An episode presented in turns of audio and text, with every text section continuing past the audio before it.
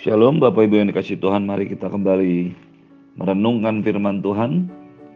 Pagi ini kita kembali membaca Kolose pasal yang kedua, ayat yang ke-6 sampai dengan 15. Kepenuhan hidup di dalam Kristus. Kamu telah menerima Kristus Yesus Tuhan kita. Karena itu, hendaklah hidupmu tetap di dalam dia. Hendaklah kamu berakar di dalam dia dan dibangun di atas dia Hendaklah kamu bertambah teguh dalam iman yang telah diajarkan kepadamu. Dan hendaklah hatimu melimpah dengan syukur. Hati-hatilah, supaya jangan ada yang menawan kamu dengan filsafat yang kosong dan palsu, menurut ajaran turun-temurun dan roh-roh dunia, tetapi tidak menurut Kristus. Sebab di dalam dia berdiam secara jasmania seluruh kepenuhan kealahan. Dan kamu telah dipenuhi di dalam dia Dialah kepala semua pemerintah dan penguasa. Dalam dia, kamu telah disunat, bukan dengan sunat yang dilakukan oleh manusia, tetapi dengan sunat Kristus yang terdiri dari penanggalan akan tubuh yang berdosa. Karena dengan dia kamu dikuburkan dalam baptisan, dan di dalam dia kamu turut dibangkitkan juga oleh kepercayaanmu kepada kerja kuasa Allah yang telah membangkitkan dia dari antara orang mati. Kamu juga meskipun dahulu mati oleh pelanggaranmu, dan oleh karena tidak disunat secara lahiriah, telah dihidupkan Allah bersama-sama dengan dia sesudah ia mengampuni segala pelanggaran kita. Dengan menghapuskan surat hutang yang oleh ketentuan-ketentuan hukum mendakwa dan mengancam kita. Dan itu ditiadakannya dengan memakukannya pada kayu salib. Ia telah melucuti pemerintah-pemerintah dan penguasa-penguasa dan menjadikan mereka tontonan umum dalam kemenangannya atas mereka. Kemarin kita sudah belajar bahwa Tuhan Yesus yang adalah juru selamat, penebus dosa Anda dan saya, yang merupakan rahasia Allah, yang merupakan tempat di mana ada tersembunyi segala harta, hikmat, dan pengetahuan Tuhan Yesus yang menjadi pusat segala-galanya dalam kehidupan orang Kristen, menjadi akar dan dasar, menjadi tempat di mana setiap orang percaya harus bertumbuh.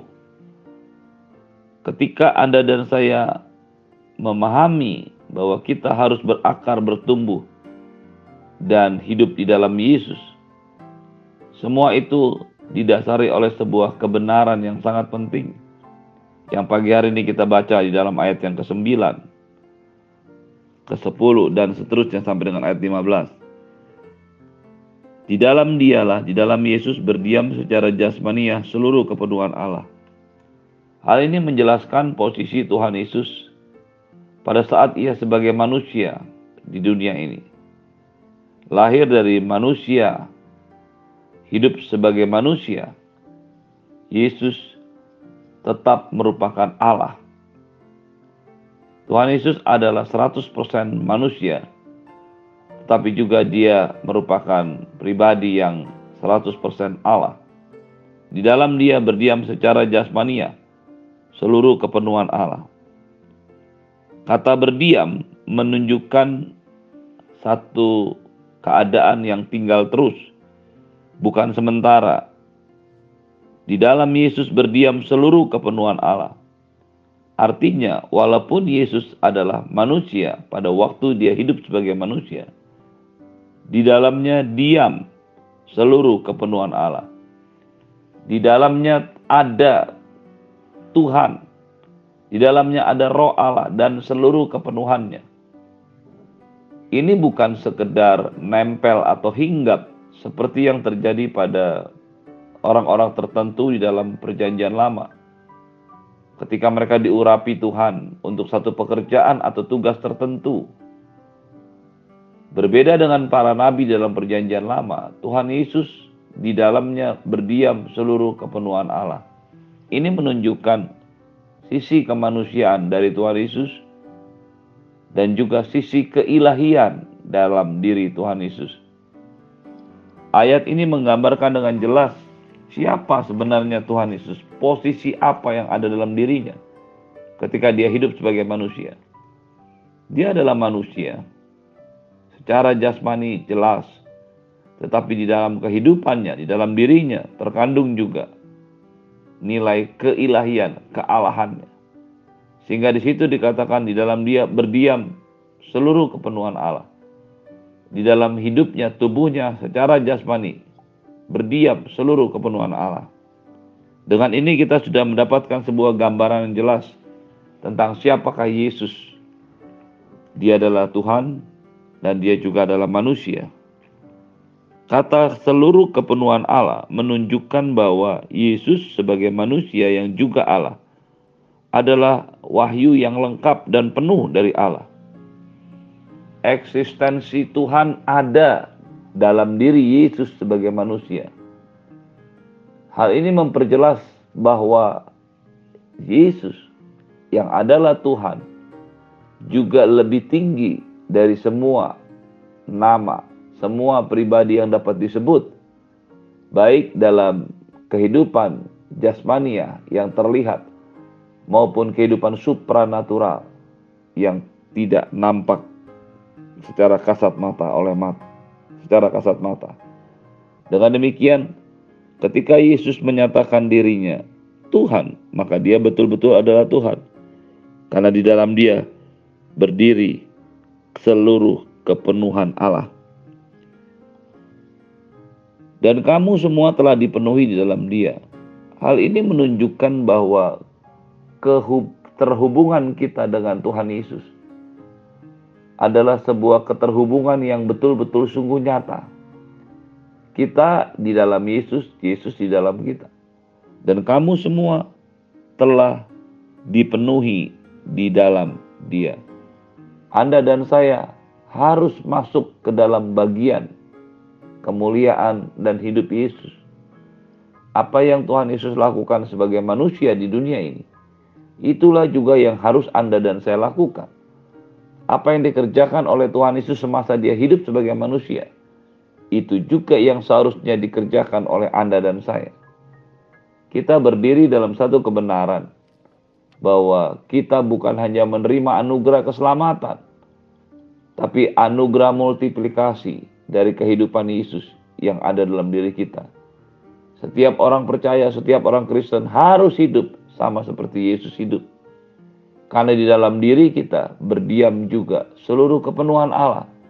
Seperti yang dilakukan apa yang terjadi dengan Tuhan Yesus dalam hidupnya. Ketika roh Allah masuk dalam dirinya. Ketika memang dia adalah bagian dari roh Allah itu sendiri. Hal itu merupakan hal yang sama ketika Anda dan saya percaya kepada Yesus. Bertobat dan menerima dia sebagai Tuhan dan Juru Selamat pribadi Ketika Anda dan saya sudah dipenuhi dengan Roh Kudus, maka semua yang bisa terjadi dengan Tuhan Yesus itu juga bisa terjadi dengan Anda dan saya. Semua gaya hidup Tuhan Yesus semasa dia hidup sebagai manusia, itulah juga seharusnya menjadi gaya hidup Anda dan saya. Kitalah orang-orang yang berjalan dalam kasih karunia. Kitalah orang-orang yang berjalan dalam keserupaan dengan Kristus. Sehingga pada akhirnya Anda dan saya akan diam di dalam dia sepenuhnya. Yesuslah kepala semua pemerintah dan penguasa. Yesuslah yang menjadi pemimpin level tertinggi. Kata dialah kepala semua pemerintahan dan penguasa menunjukkan kedudukan rohani Tuhan Yesus. Dia adalah level tertinggi dari semua kehidupan dalam dunia supranatural, dalam dunia yang tidak nampak oleh mata ini. Dialah kepala semua pemerintah dan semua penguasa. Hal ini sekali lagi mempertegas siapakah Yesus dalam hidupnya sebagai manusia. Dia memang manusia, tetapi dia juga Allah. Di dalam dirinya lah seluruh kepenuhan Allah itu muncul. Itu sebabnya mengapa Anda dan saya harus setiap hari terhubung dengan Yesus. Supaya apa yang Yesus lakukan dalam hidupnya, itulah juga yang Anda dan saya lakukan. Bagaimana sikap Yesus ketika menghadapi persoalan, tekanan, kesulitan dalam hidup ini? Itulah yang juga seharusnya Anda dan saya kerjakan dan lakukan. Menghadapi situasi apa pun dalam hidup kita. Ketika Yesus terancam nyawanya, kehidupannya sebagai manusia, dan kemudian dia bereaksi dan bersikap. Reaksi dan sikap itu juga seharusnya ada dalam setiap Anda dan saya. Tuhan mau Anda dan saya bukan hanya menerima keselamatan daripada Tuhan, tapi kembali menerima roh Allah yang tinggal di dalam diri Anda. Di dalam Yesus kamu telah disunat bukan dengan sunat yang dilakukan oleh manusia, tetapi dengan sunat Kristus yang terdiri dari penanggalan akan tubuh yang berdosa. Karena di dalam Yesus kamu dikuburkan dalam baptisan, dan di dalam Yesus kamu turut dibangkitkan juga oleh kepercayaanmu kepada kuasa kerja Allah yang telah membangkitkan Yesus dari antara orang mati. Ketika Anda dan saya menyadari bahwa Yesus telah kepala semua pemerintahan dan penguasa, hal itu dilakukannya ketika ia naik ke atas kayu salib. Ayat yang ke 15 mengatakan ia telah melucuti pemerintah dan penguasa dan menjadikan mereka tontonan umum dalam kemenangannya atas mereka. Hal ini terjadi ketika Anda dan saya menyadari betul siapakah Yesus itu. Dia adalah manusia 100% tetapi dia juga adalah Tuhan. Oleh kematiannya sebagai manusia, dia bisa menyelamatkan Anda dan saya. Karena ketika Anda dan saya hidup di dalam Yesus, kita tidak lagi disunat secara manusia, bukan dengan sunat yang dilakukan manusia, tetapi dengan sunat Kristus yang terdiri dari penanggalan akan tubuh yang berdosa. Hari-hari ini banyak orang Kristen percaya bahwa mereka memiliki kuasa kehidupan yang luar biasa dari Tuhan Yesus. Tetapi mereka melupakan satu hal, bahwa kuasa kemuliaan yang diberikan Tuhan Yesus atas Anda dan saya sebagai manusia juga memerlukan penanggalan akan dosa. Dan itu semua dilakukan oleh Tuhan Yesus di kayu salib. Bagian Anda dan saya memastikan hidup kita terus menanggalkan dosa.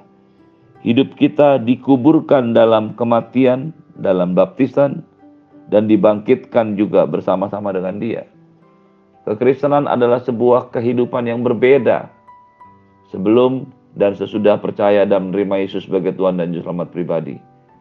Kekristenan dimulai dari sebuah pertobatan, dari sebuah janji, dari sebuah komitmen untuk menanggalkan dosa, untuk mematikan dosa. Itulah sebabnya mengapa Anda dan saya harus dibaptis.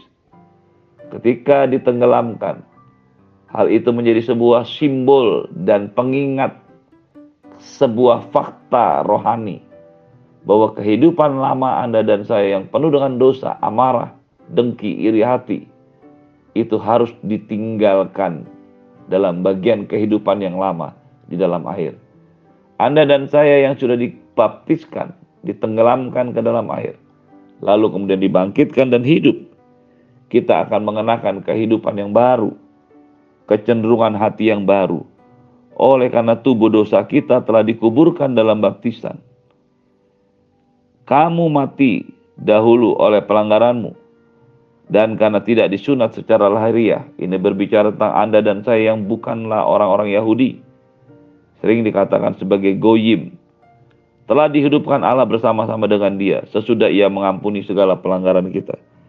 Tentu saja kehidupan baru kita dimulai dari kematian Tuhan Yesus di kayu salib. Dan itu menjadi hak Anda dan saya. Ketika kita juga mengambil sikap hati yang sama. Bahwa kita telah mati, yang telah mati oleh karena pelanggaran dan tidak disunat secara hariah, telah dihidupkan Allah bersama-sama dengan dia. Sesudah ia mengampuni segala pelanggaran kita. Ketika dosa dan pelanggaran kita diampuni, ketika kejahatan kita disucikan oleh darah Yesus, surat hutang yang menurut ketentuan mendakwa dan mengancam kita ditiadakannya dengan memakukannya pada kayu salib. Ketika Anda dan saya bertobat, percaya dan menerima Yesus sebagai Tuhan dan Juru Selamat pribadi. Surat-surat hutang yang akan mendakwa kita, yang akan menuduh kita, yang akan membawa kita tidak bisa mendekat kepada Tuhan. Itulah yang dipakukan oleh Tuhan Yesus di kayu salib. Bukan oleh sunat lahiriah, tetapi sunat yang dilakukan oleh Yesus yang memang mati untuk mengampuni segala dosa kita. Kematian Tuhan Yesus membawanya melucuti pemerintah dan penguasa dan menjadikan mereka tontonan umum dalam kemenangannya atas mereka. Hal ini digambarkan dengan jelas ketika sebuah jenderal Romawi yang baru pulang dari sebuah kemenangan pertempuran masuk ke dalam kota. Mereka akan berjalan. Jenderal-jenderal itu akan diiringi oleh para pasukan orang-orang yang setia yang ikut berperang dengan dia. Dan mereka akan memasuki kota disambut oleh para penduduk yang berdiri sepanjang jalan mengeluh-elukan kemenangan. Itulah yang terjadi secara rohani buat Anda dan saya. Ketika Yesus mati di kayu salib dan bangkit kembali, menjadikan mereka arak-arakan kemenangan. Anda dan saya adalah bagian dari rombongan kemenangan Tuhan Yesus yang akan masuk ke dalam sebuah kota kehidupan yang baru bersama-sama dengan Tuhan. Ketika kemenangan Kristus menjadi kemenangan kita, maka kehidupan lama kita tidaklah boleh disentuh lagi. Karena kita sudah hidup dalam kehidupan Kristus. Pastikan Anda dan saya memahami semua yang sudah dikerjakan Tuhan Yesus dalam hidup kita, serta hidup di dalamnya. Terimalah berkat yang berlimpah dari Bapa di surga, cinta kasih dari Tuhan Yesus, penyertaan yang sempurna daripada Roh Kudus, menyertai hidupmu hari ini dan sampai selama-lamanya. Di dalam nama Tuhan Yesus semua yang percaya katakan.